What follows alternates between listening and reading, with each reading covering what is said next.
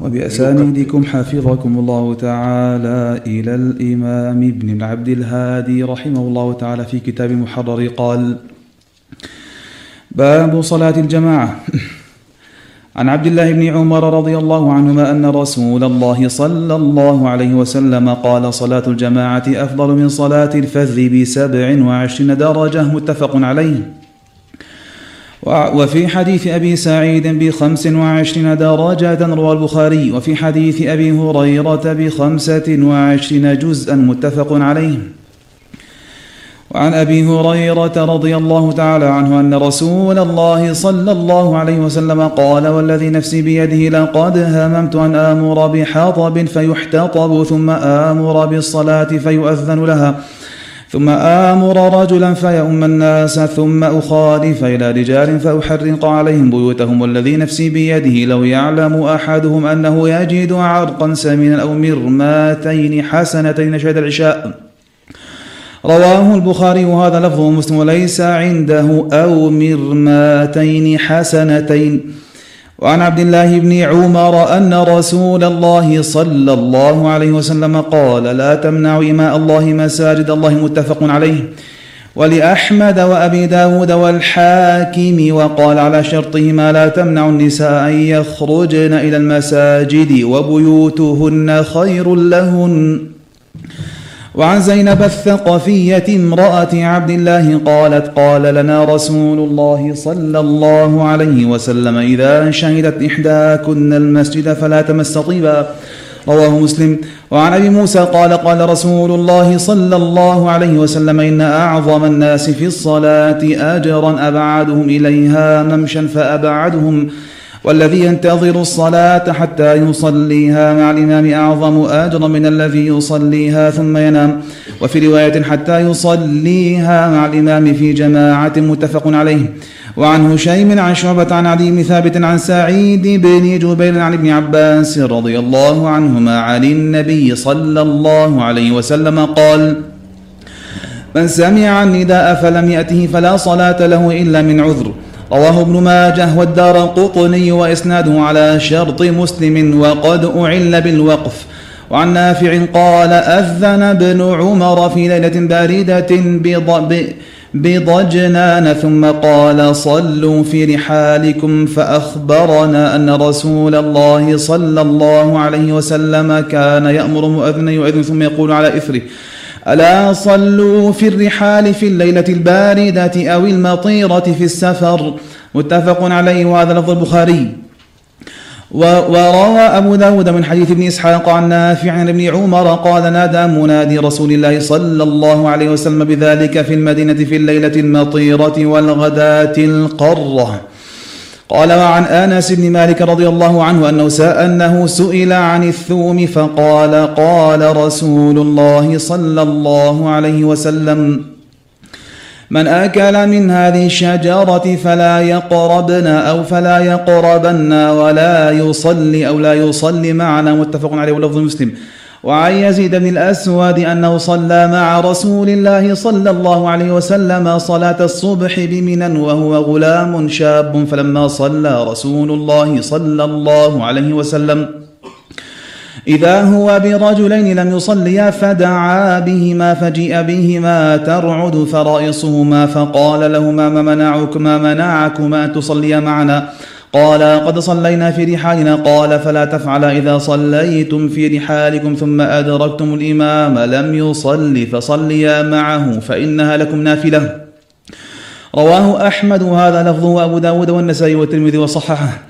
وعن أبي هريرة رضي الله عنه قال أتى النبي صلى الله عليه وسلم رجل أعمى فقال يا رسول الله إنه ليس لي قائد يقودني إلى المسجد فسأل رسول الله صلى الله عليه وسلم يرخص له فيصلي في بيته فرخص له فلما ولى دعاه فقال هل تسمع النداء بالصلاة قال نعم قال فاجب رواه مسلم وعن أبي هريرة رضي الله عنه قال قال رسول الله صلى الله عليه وسلم إنما جعل الإمام ليؤتم به فإذا كبر فكبروا ولا تكبروا حتى يكبر وإذا ركع فاركعوا ولا تركعوا حتى يركع. وإذا قال سمع الله لمن حمده فقولوا اللهم ربنا لك الحمد وإذا سجد فاسجدوا ولا تسجدوا حتى يسجد وإذا صلى قائما فصلوا قياما وإذا صلى قاعدا فصلوا قعودا أجمعين. رواه أحمد وأبو داود وهذا لفظه. وعن البراء رضي الله عنه أنهم كانوا يصلون مع رسول الله صلى الله عليه وسلم فإذا ركع ركع وإذا رفع رأسه من الركوع فقال سمع الله لمن حمده لم نزل قياما حتى نراه قد ضعجبت على الأرض حتى نراه قد وضع وجهه بالأرض ثم نتبعه. متفق عليه واللفظ المسلم وعن أبي سعيد الخدري رضي الله عنه أن رسول الله صلى الله عليه وسلم رأى في أصحابه تأخرا فقال لهم تقدموا فأتموا بي وليأتم بكم من بعدكم ولا يزال قوم يتأخرون حتى يؤخرهم الله عز وجل. رواه مسلم. وعن زيد بن ثابت رضي الله عنه قال احتجر رسول الله صلى الله عليه وسلم حجيرة بخصفة أو حصير فخرج رسول الله صلى الله عليه وسلم يصلي فيها. قال فتتبع إليه رجال وجاءوا يصلون بصلاته. قال ثم جاءوا ليلة فحضروا وأبطأ رسول الله صلى الله عليه وسلم عنهم.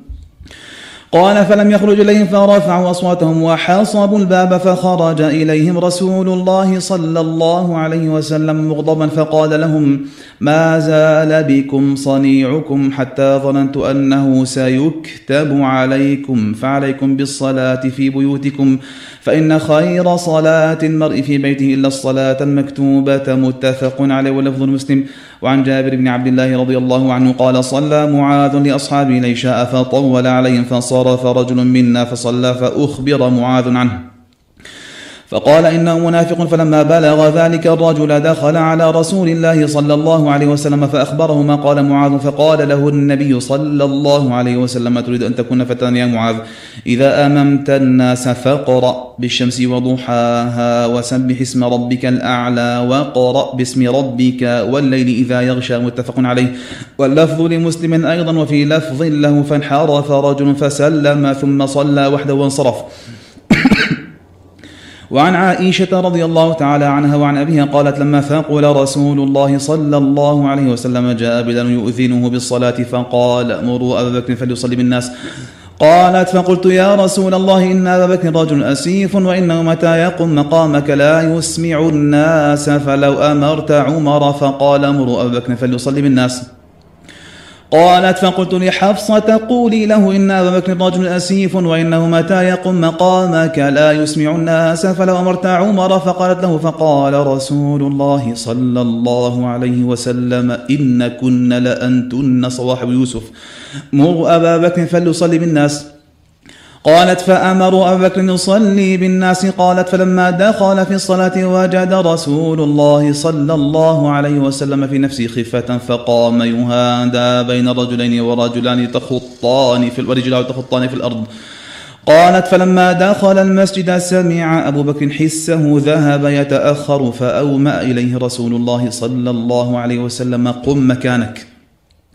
فجاء رسول الله صلى الله عليه وسلم حتى جلس على عن يسار أبي بكر فقال قالت فكان رسول الله صلى الله عليه وسلم يصلي بالناس جالسا وأبو بكر قائما. يقتدي أبو بكر بصلاة رسول الله صلى الله عليه وسلم ويقتدي الناس بصلاة أبي بكر رضي الله تعالى عنه متفق عليه. وعن أبي وعن أبي هريرة رضي الله عنه أن رسول الله صلى الله عليه وسلم قال إذا أما أحدكم الناس فليخفف فإن فيهم الصغير والكبير والضعيف والمريض. فإذا صلى وحده فليصلي كيف شاء. وفي لفظه وذا الحا وفي لفظ وذا الحاجة وفي آخر الضعيف والسقيم متفق عليه. واللفظ لمسلم ولم يقل البخاري والصغير. وعن عمرو بن سلمة الجرمي قال كنا بماء ممر الناس وكان يمر بنا الركبان فنسألهم ما للناس ما للناس ما هذا الرجل؟ فيقولون يزعم أن الله عز وجل أرسله أو أوحى أو أوحى الله إليه بكذا فكنت أحفظ ذلك الكلام فكأنما فكأنما يغرى في صدري. وكانت العرب تلوم بإسلامهم الفتح فيقولون اتركوه وقومه فإن ظهر عليهم فهو نبي صادق. فلما كانت وقعة أهل الفتح بادر كل قوم بإسلامهم وبادر أبي قومي بإسلامهم. فلما قدم قال جئتكم والله من عند النبي حقا فقال صلوا صلاة كذا في حين كذا وصلوا صلاة كذا في حين كذا. فإذا حضرت الصلاة فليؤذن أحدكم وليؤمكم أكثركم قرآنا فنظروا فلم يكن أحد أكثر قرآنا مني لما كنت أتلقى من الركبان فقدموني بين أيديهم وأنا ابن ست أو ابن ست أو سبع سنين وكانت علي بردة وكنت إذا سجدت تقلصت عني فقالت امرأة من الحي ألا تغطون عنا استقارئكم؟ فاشتروا فقطعوا لي قميصا فما فرحت بشيء فرحي بذلك القميص. رواه البخاري وعند أبي داود وأنا ابن سبع سنين أو ثمان سنين وعند النسائي وأنا ابن ثمان سنين. وعن عكرمة عن ابن عباس رضي الله تعالى عنهما قال يكره أن يؤم الغلام حتى يحترم. رواه الآثرم والبيهقي ولفظ لا يؤم الغلام حتى يحترم. وعن أبي مسعود رضي الله عنه قال قال رسول الله صلى الله عليه وسلم يا أم القوم أقرأهم لكتاب الله فإن كانوا في القراءة سواء فأعلمهم بالسنة فإن كانوا في السنة سواء فأقدمهم هجرة فإن كانوا في الهجرة سواء فأقدمهم سلما ولا يؤم ولا يؤمن الرجل الرجل في سلطانه ولا يؤمن الرجل الرجل في سلطانه ولا يقعد في بيته على تكرمته إلا بإذنه. وفي رواية سنا بدل سلما رواه مسلم. وعن ابن مسعود قال قال رسول الله صلى الله عليه وسلم ليلني منكم ذو الأحلام والنهى. ثم الذين يلونهم ثلاثا وإياكم وهيشات الأسواق رواه مسلم أيضا. وعن قتادة عن أنس بن مالك رضي الله عنه عن النبي صلى الله عليه وسلم قال رصوا صفوفكم وقاربوا بينها وحاذوا بالأعناق فوالذي نفسي بيده إني لأرى الشيطان شياطين تدخل من خلل الصف كأنها الحذف. رواه أحمد وأبو داود والنسائي وابن حبان البستي. والحذف بالتحريك غنم سود صغار من غنم الحجاز الواحدة حذفة قاله الجوهري. وعن أبي هريرة رضي الله عنه قال قال رسول الله صلى الله عليه وسلم خير صفوف الرجال أولها وشرها آخرها وخير صفوف النساء آخرها وشرها أولها رواه مسلم. وعن ابن عباس رضي الله عنهما قال صليت مع رسول الله صلى الله عليه وسلم ذات ليلة فقمت عن يساري فأخذ رسول الله صلى الله عليه وسلم برأسي من ورائي فجعلني عن يميني متفق عليه. وعن أنس قال صلى رسول الله صلى الله عليه وسلم في بيت أم أم سليم فقمت ويتيم خلفه وأم سليم خلفنا. متفق عليه ولفظ البخاري. ولمسلم أن النبي صلى الله عليه وسلم صلى به وبامرأة فجعله عن يمينه والمراه خلفه. فجعله عن يمينه والمرأة خلفه وعن أبي بكرة أنه انتهى إلى النبي صلى الله عليه وسلم وهو راكع فركع قبل أن يصل قبل أن يصل إلى الصف. فذكر ذلك للنبي صلى الله عليه وسلم فقال زادك الله حرصا ولا تعد ولا تعد. رواه البخاري. وفي رواية لأحمد وأبي داود أن أبا بكرة جاء ورسول الله صلى الله عليه وسلم راكع فركع دون الصف ثم مشى إلى الصف فلما قضى النبي صلى الله عليه وسلم صلاته قال أيكم الذي ركع دون الصف ثم مشى إلى الصف؟ فقال أبو بكر فقال أبو بكرة أنا قال زادك الله حرصا ولا تعد. وعن هلال بن يساف عن عمرو بن راشد عن وابصة بن معبد أن رسول الله صلى الله عليه وسلم رأى رجلا يصلي خلف الصف. رأى رجلا يصلي خلف الصف وحده فآمره أن يعيد الصلاة رواه أحمد وحسنه وأبو داود وهذا لفظ وابن حبان في صحيحه والترمذي وقال حسن صحيح. وقال ابن المنذر وقال ابن المنذر ثبت الحديث أحمد وإسحاق وقال ابن عبد البر في إسناد اضطراب. وعن أبي هريرة رضي الله عنه عن النبي صلى الله عليه وسلم قال إذا سمعتم الإقامة فامشوا إلى الصلاة وعليكم السكينة وعليكم بالسكينة والوقار ولا تسرعوا فما أدركتم فصلوا وما فاتكم فاتموا متفق عليه واللفظ للبخاري وفي لفظ لمسلم صل ما أدركت وقض ما سبقك ورواه أحمد عن ابن عيينة عن الزهري عن سعيد عن أبي هريرة وما فاتكم فقضوا وقد وهم بعض المصنفين في قوله إن, إن لفظ القضاء مخرج في الصحيحين. وقال أبو داود قال يونس الزبيدي وابن أبي ذئب وإبراهيم بن سعد ومعمر وشعيب بن أبي حمزة عن الزهري. وما فاتكم فأتموا. وقال ابن عيينة عن الزهري وحده فانقضوا. وقال مسلم أخطأ ابن عيينة في هذه اللفظة ولا أعلم رواها عن الزهري غيره. وفي قول أبي داود ومسلم نظر فإن أحمد رواها عن عبد الرزاق عن معمر عن الزهري وقد رويت من غير وجه عن أبي هريرة. وقال البيهقي والذين قالوا فأتموا أكثر وأحفظ وألزم لأبي هريرة فهو أولى. والتحقيق أنه ليس بين اللفظين فرق فإن القضاء هو الإتمام لغة وشرعا. قال باب صلاة المريض عن عمران بن حسين رضي الله عنه قال كانت بي بواسير فسألت النبي صلى الله عليه وسلم عن الصلاة فقال صل قائما فإن لم تستطع فقاعدا فإن لم تستطع فعلى جنب. رواه البخاري. وروى أبو بكر الحنفي قال حدثنا سفيان عن أبي الزبير عن جابر أن رسول الله صلى الله عليه وسلم عاد مريضا فرآه يصلي على وسادة فأخذها فرمى بها. فأخذ عودا ليصلي عليه فأخذه فرمى به وقال صل على الأرض إن استطعت وإلا فأومئي ماء واجعل سجودك أخفض من ركوعك.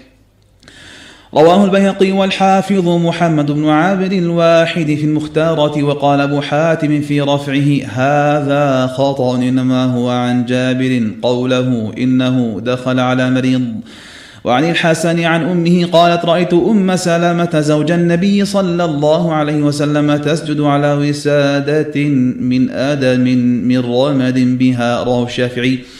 وعن عائشة رضي الله تعالى عنها وعن أبيها قالت رأيت النبي صلى الله عليه وسلم يصلي متربعا رواه النسائي والدار القطني والحاكم وقال على شرطهما وقال النسائي لا أعلم أحد روى هذا الحديث غير أبي داود الحفري. وهو ثقة ولا أحسبه أحسبه إلا أخطأ كذا قال وقد تابع الحفري محمد بن سعيد بن الأصبهاني وهو ثقة والله أعلم. قال باب صلاة المسافر عن عائشة رضي الله عنها قالت الصلاة أول ما فرضت ركعتين. فأقرت, في فأقرت صلاة السفر وأتمت صلاة الحاضر. قال الزهري فقلت لعروة ما بال عائشة تتم؟ قالت قال تأولت ما تأول عثمان رضي الله عنهما متفق عليه. وللبخاري عنها قالت فرضت الصلاة ركعتين ثم هاجر رسول الله صلى الله عليه وسلم ففرضت أربعا وتركت صلاة السفر على الأولى. وعن عطاء عن عائشة رضي الله عنها أن النبي صلى الله عليه وسلم كان يقصر في السفر ويتم ويفطر ويصوم رواه الدار قطني. وقال إسناده صحيح وكلهم ثقات والصحيح أن عائشة هي التي كانت تتم كما رواه البيهقي بإسناد صحيح عن شعبة عن هشام بن عروة عن أبيه عن عائشة أنها كانت تصلي في السفر أربعة. فقلت لها لو صليت ركعتين فقالت يا ابن أختي إنه لا يشق علي. وعن ابن عمر رضي الله عنهما قال قال رسول صلى الله عليه وسلم إن الله يحب أن تؤتى رخصه كما يكره أن تؤتى معصيته. رواه أحمد بن خزيمة بن حبان في صحيحيهما وأبو يعلى الموصلي ولفظه إن الله عز وجل يحب أن تؤتى رخصه كما يحب أن تؤتى عزائمه. وروى شعبة عن يحيى بن يزيد الهن الهنائي قال سألت أنس بن مالك عن قصر الصلاة فقال كان رسول الله صلى الله عليه وسلم إذا خرج مسيرة ثلاثة أميال أو ثلاثة فراسيخ شعبة الشاك صلى ركعتين رواه مسلم. وقال ابن عبد البر في يحيى ليس هو ممن يوثق ممن يوثق به في ضبط مثل هذا الأصل. وعن العلاء بن حضرمي أن رسول الله صلى الله عليه وسلم قال مكث المهاجر بعد قضاء نسوكه ثلاثة متفق عليه. وعن يحيى بن أبي إسحاق قال سمعت أنس بن مالك يقول خرجنا مع النبي صلى الله عليه وسلم من المدينة إلى مكة فكان يصلي ركعتين ركعتين حتى رجعنا إلى المدينة فقل قلت أقمتم بها شيئا. قال أقمنا بها عشرة متفق عليه ولفظ البخاري. وعن ابن عباس رضي الله عنهما قال أقام رسول الله صلى الله عليه وسلم تسعة عشر يقصر فنحن إذا سافرنا تسعة عشر قصرنا وإن زدنا أتممنا. وفي لفظ أقام النبي صلى الله عليه وسلم بمكة تسعة عشر يوم رواه البخاري. وعند أبي داود أقام سبع عشرة بمكة يقصر الصلاة. قال وقال عباد بن منصور عن عكريمة عن ابن عباس أقام تسع عشرة وعنده من رواية ابن إسحاق. أقام بمكة عام الفتح خمس عشرة يقصر الصلاة. وقال البيهقي اختلفت الروايات في تسع عشرة وسبع عشرة وأصحها عندي رواية من روى تسع عشرة. وعن جابر قال أقام رسول الله صلى الله عليه وسلم بتبوك عشرين يوما يقصر الصلاة رواه أحمد وأبو داود وقال غير معمر لا يسنده. وعن أنس بن مالك رضي الله عنه قال كان رسول الله صلى الله عليه وسلم إذا ارتحل قبل أن تزيغ الشمس اخر الظهر إلى وقت العصر ثم نزل فجمع بينهما. فإن زاغت الشمس قبل أن يرتحل صلى الظهر ثم ركب متفق عليه. وعنه قال كان رسول الله صلى الله عليه وسلم إذا كان في سفر فزالت الشمس صلى الظهر والعصر جميعا ثم ارتحل. رواه الحافظ أبو نعيم في المستخرج على مسلم ثم قال رواه مسلم. ولم يرويه بهذا ولم يرويه بهذا اللفظ وإنما لفظه كان إذا أراد أن يجمع بين الصلاتين في السفر أخر الظهر حتى يدخل أول وقت العصر ثم يجمع بينهما. وعن نافع أن ابن عمر رضي الله عنه ما كان إذا جد به السير جمع بين المغرب والعشاء بعد أن يغيب الشفق. ويقول إن رسول الله صلى الله عليه وسلم كان إذا جد به السير جمع بين المغرب والعشاء متفق عليه. ورواه أبو داود برواية محمد بن فضيل عن أبيه عن نافع وعبد الله بن واقد أن مؤذن بن عمر قال الصلاة قال سر سر. حتى إذا كان قبل غروب الشفق نزل وصلى المغرب ثم انتظر حتى غاب الشفق فصلى العشاء ثم قال إن رسول الله صلى الله عليه وسلم كان إذا عاجل به أمر صنع مثل الذي صنعت فسار في ذلك اليوم والليلة مسيرة ثلاث.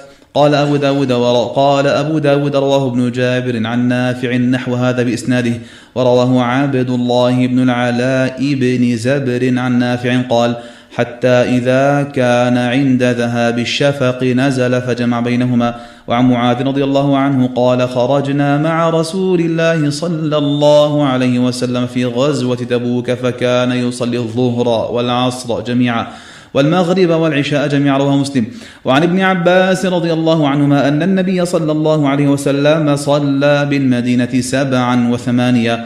الظهر والعصر والمغرب والعشاء جميعا متفق عليه. ولمسلم جمع رسول الله صلى الله عليه وسلم بين الظهر والعصر والمغرب والعشاء بالمدينة في غير خوف ولا مطر. قلت لابن عباس لم فعل ذلك؟ قال كي لا يحرج أمته وفي لفظ له في غير خوف ولا سفر وقد تكلم ابن سريج في قوله ولا مطر. وروى الطحاوي من رواية الربيع بن يحيى الأشناني عن الثوري عن ابن المنكدر عن جابر قال جمع رسول الله صلى الله عليه وسلم بين الظهر والعصر.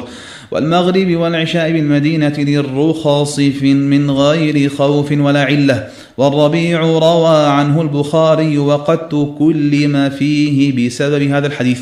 وعن معاذ رضي الله عنه أن النبي صلى الله عليه وسلم كان في غزوة تبوك إذا ارتحل قبل زيغ الشمس أخر الظهر حتى يجمعها إلى العصر.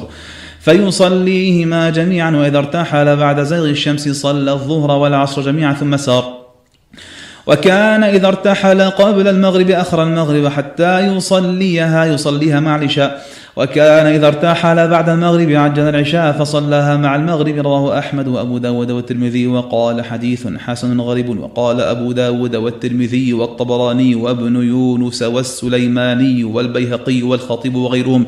تفرد به قتيبة قال الخطيب هو منكر جدا. وقال الحاكم هو حديث موضوع. وقتيبة ثقة مأمون. وقد تقدم جمع المستحاضة بين الصلاتين في باب الحيض.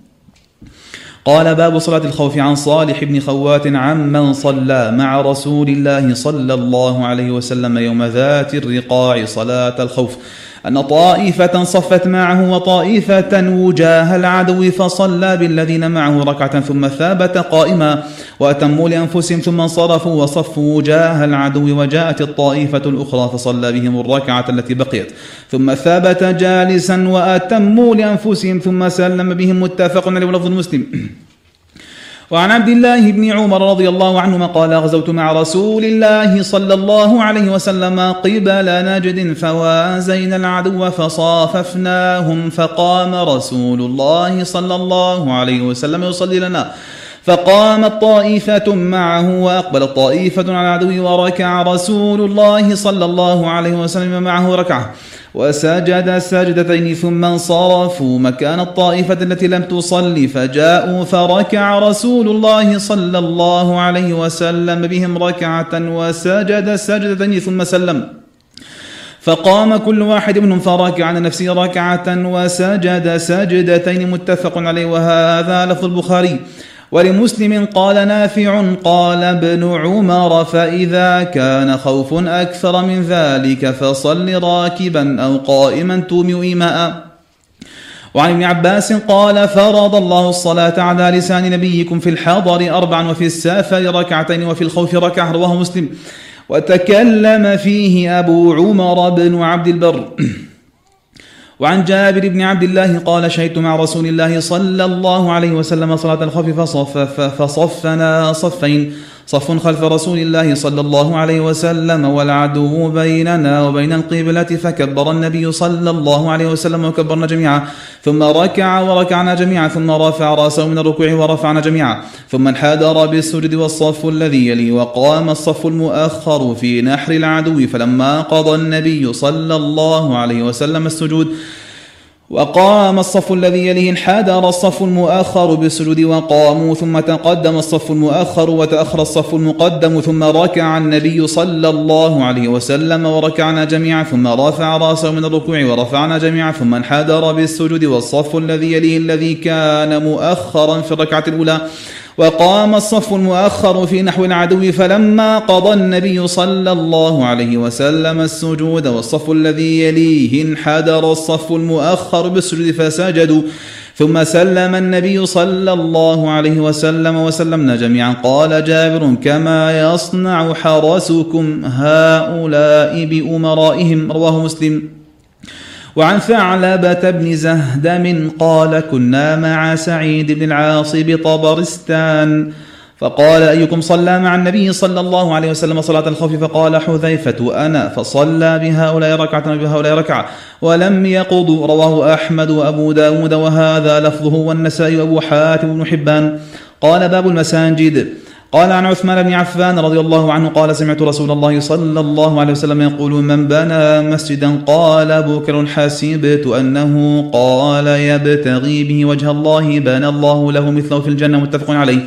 وعن عائشة رضي الله تعالى عنها قالت أمر رسول الله صلى الله عليه وسلم ببناء المساجد في الدور وأن تنظف وتطيب رواه أحمد وأبو داود بن ماجه وإسناد بعضهم على شرط الصحيحين ورواه الترمذي مرسلا ومتصلا ومتصلا وقال في المراسيل هذا أصح والدور القبائل والمحال وعن أبي هريرة رضي الله عنه أن رسول الله صلى الله عليه وسلم قال قاتل الله اليهود اتخذوا قبور انبيائهم مساجد متفق عليه ولمسلم لعن الله اليهود والنصارى اتخذوا قبور انبيائهم مساجد وعن ابن عمر أنه كان ينام وهو شاب أعزب لا أهل له في مسجد النبي صلى الله عليه وسلم كذا رواه البخاري ورواه مسلم بنحوه.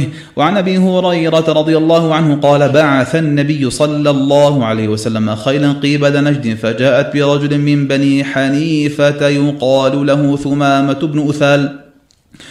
فربطوه بسارية من سوار المسجد فخرج إليه النبي صلى الله عليه وسلم فقال أطلقوا ثمامه. فانطلق إلى نخل قريب من المسجد فاغتسل ثم دخل المسجد فقال أشهد أن لا إله إلا الله وأشهد أن محمد رسول الله. متفق عليه. وعن أبي هريرة رضي الله عنه أن عمر مر بحسان وهو ينشد الشعر في المسجد فلاحظ إليه فقال قد كنت أنشد قد, قد كنت أنشد وفيه من هو خير منك.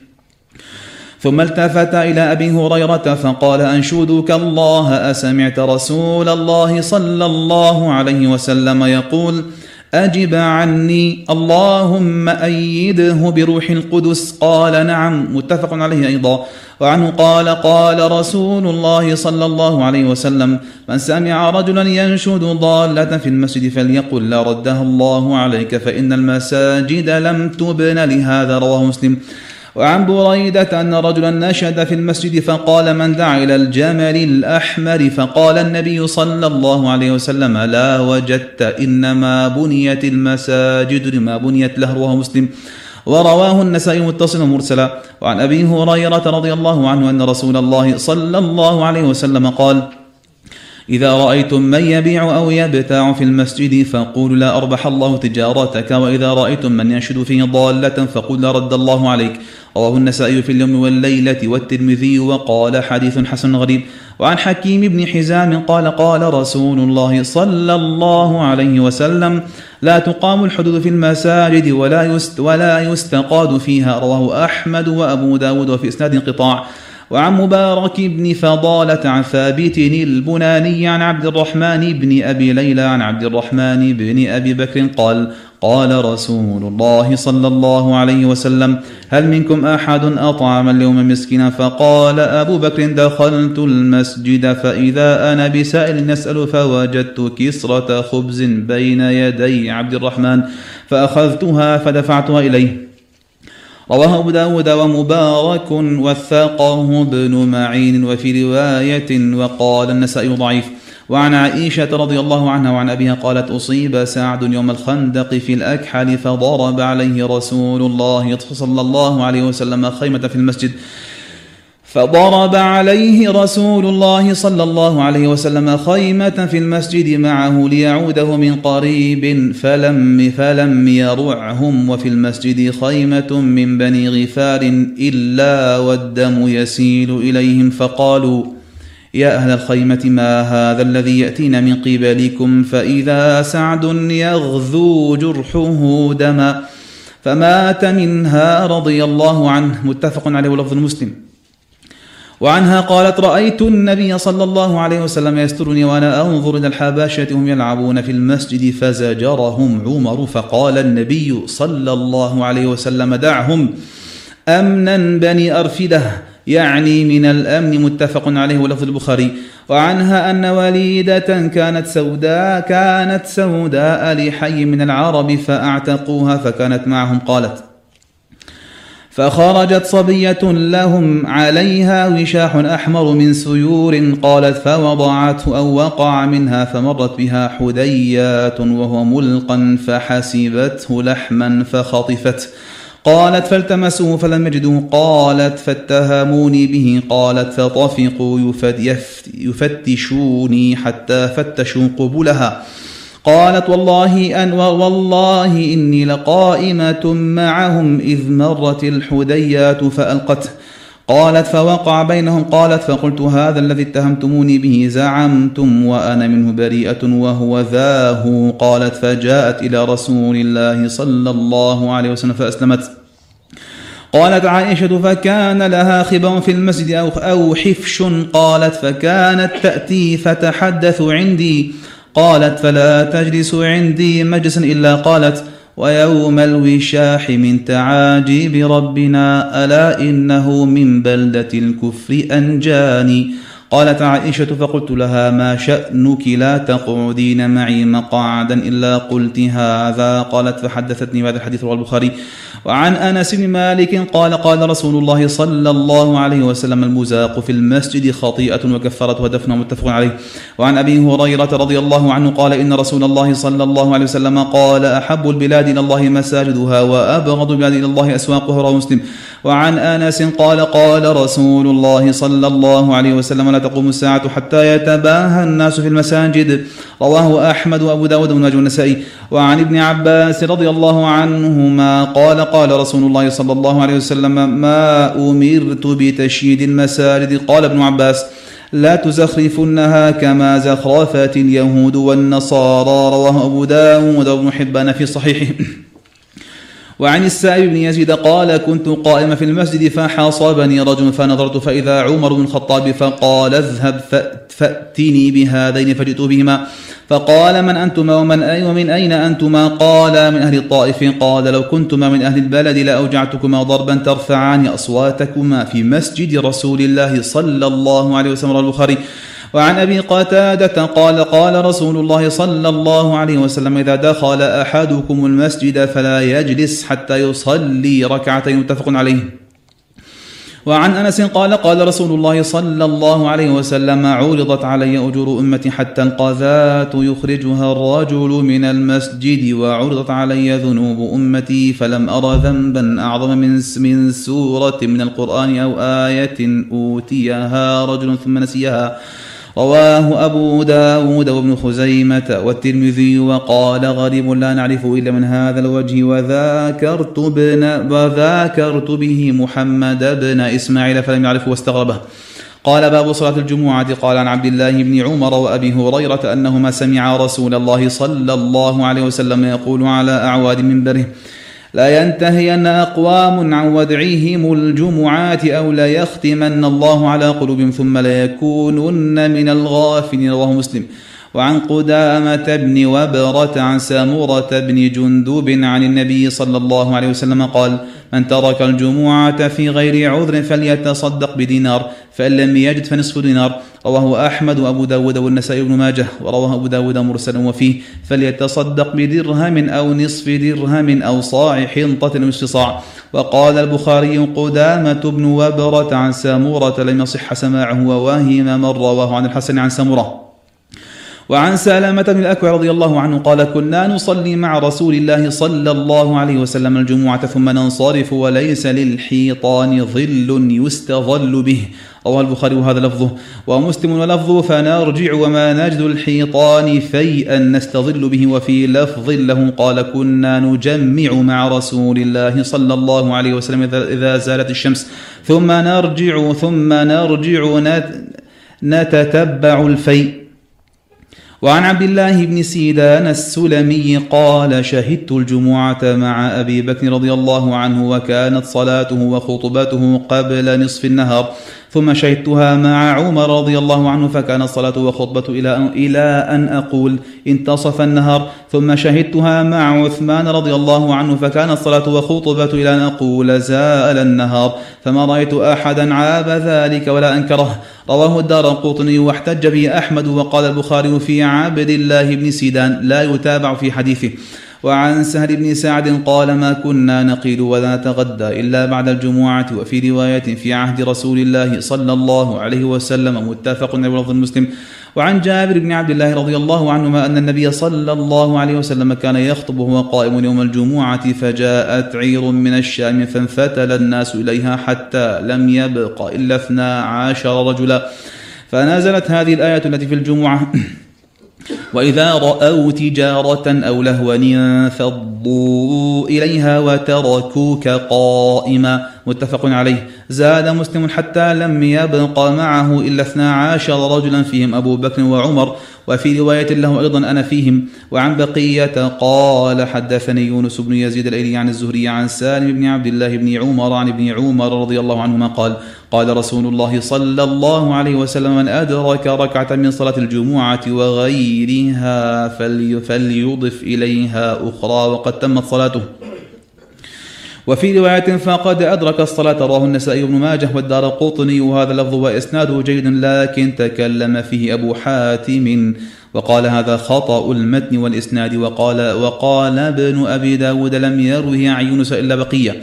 وقد رواه النسائي أيضا من حديث سليمان بن بلال عن يونس عن ابن شهاب عن سالم أن رسول الله صلى الله عليه وسلم قال من أدرك ركعة من صلاة من الصلوات فقد أدركها إلا أنه يقضي ما فاته مرسل وعن جابر بن سامورة رضي الله عنه أن رسول الله صلى الله عليه وسلم كان يخطب قائما ثم يجلس ثم يقوم فيخطب قائما فمن نبأك أنه كان يخطب جالسا فقد كذب.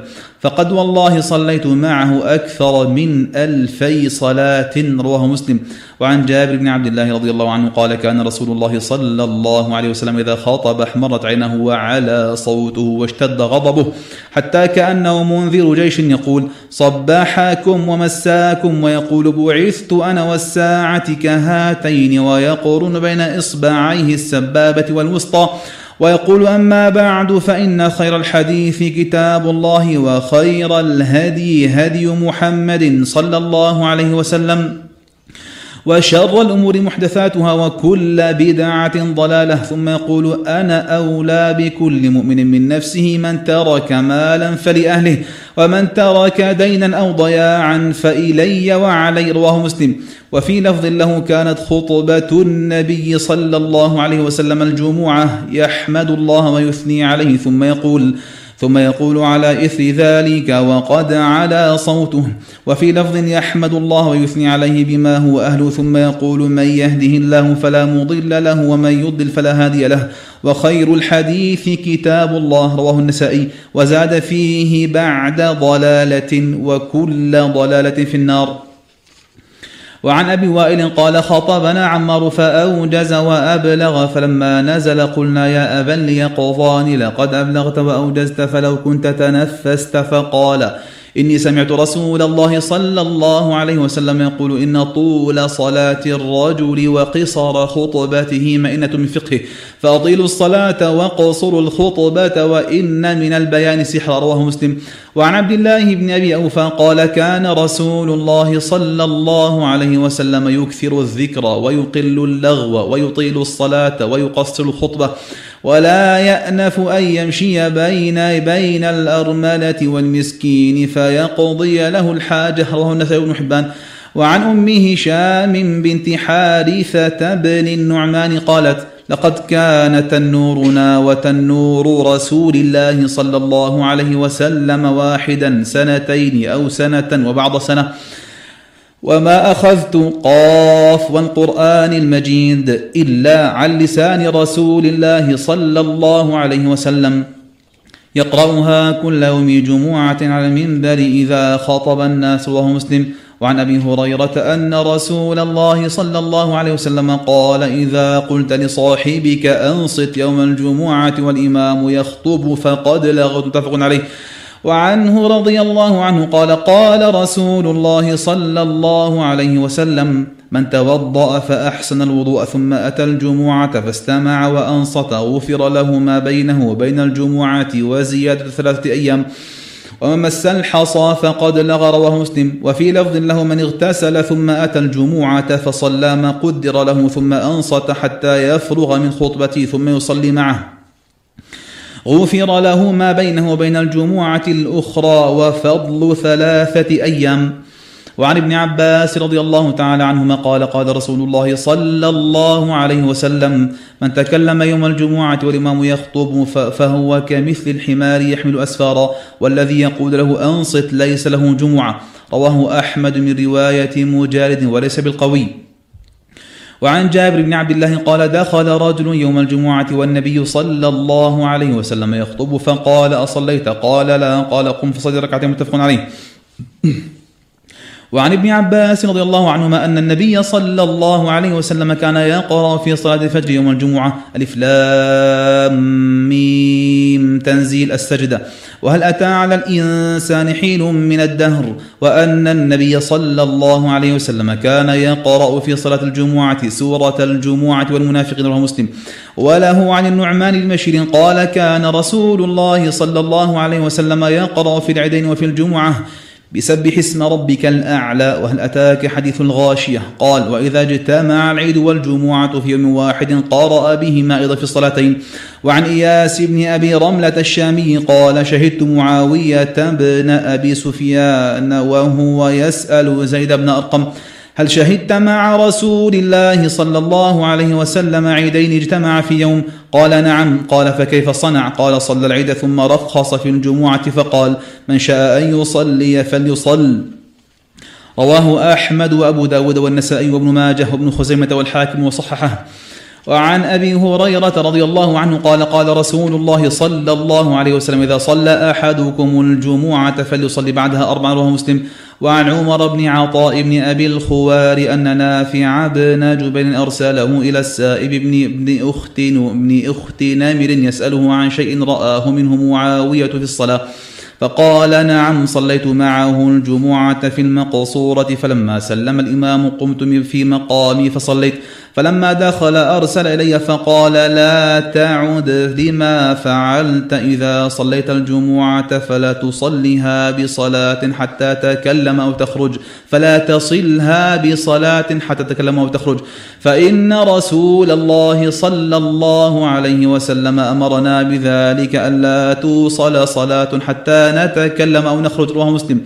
وعن عبد الله بن عمر أن عمر بن الخطاب رأى حلة سيراء عند باب المسجد فقال يا رسول الله لو اشتريت هذه فلبستها يوم الجمعة وللوفد إذا قدموا عليك. فقال رسول الله صلى الله عليه وسلم إنما يلبس هذه من لا خلاق له في الآخرة ثم جاءت رسول الله صلى الله عليه وسلم منها حلل فأعطى عمر بن الخطاب من حلة. فقال عمر يا رسول الله كسوتنيها وقد قلت في حلة عطارد ما قلت. قال رسول الله صلى الله عليه وسلم إني لم أكسكها لتلبسها فكساها عمر بن الخطاب أخا له بمكة مشركا. متفق عليه لفظ البخاري. وعن أبي هريرة رضي الله عنه قال قال رسول الله صلى الله عليه وسلم إذا كان يوم الجمعة كان على كل باب من أبواب المسجد ملائكة يكتبون الأول فالأول. فإذا جلس الإمام فإذا جلس الإمام طووا الصحف وجاءوا يستمعون الذكر. ومثل المهجر كمثل الذي يهدي البدنة ثم كالذي يهدي بقرة ثم كالذي يهدي الكبش ثم كالذي يهدي الدجاجة ثم كالذي يهدي البيضة رواه مسلم.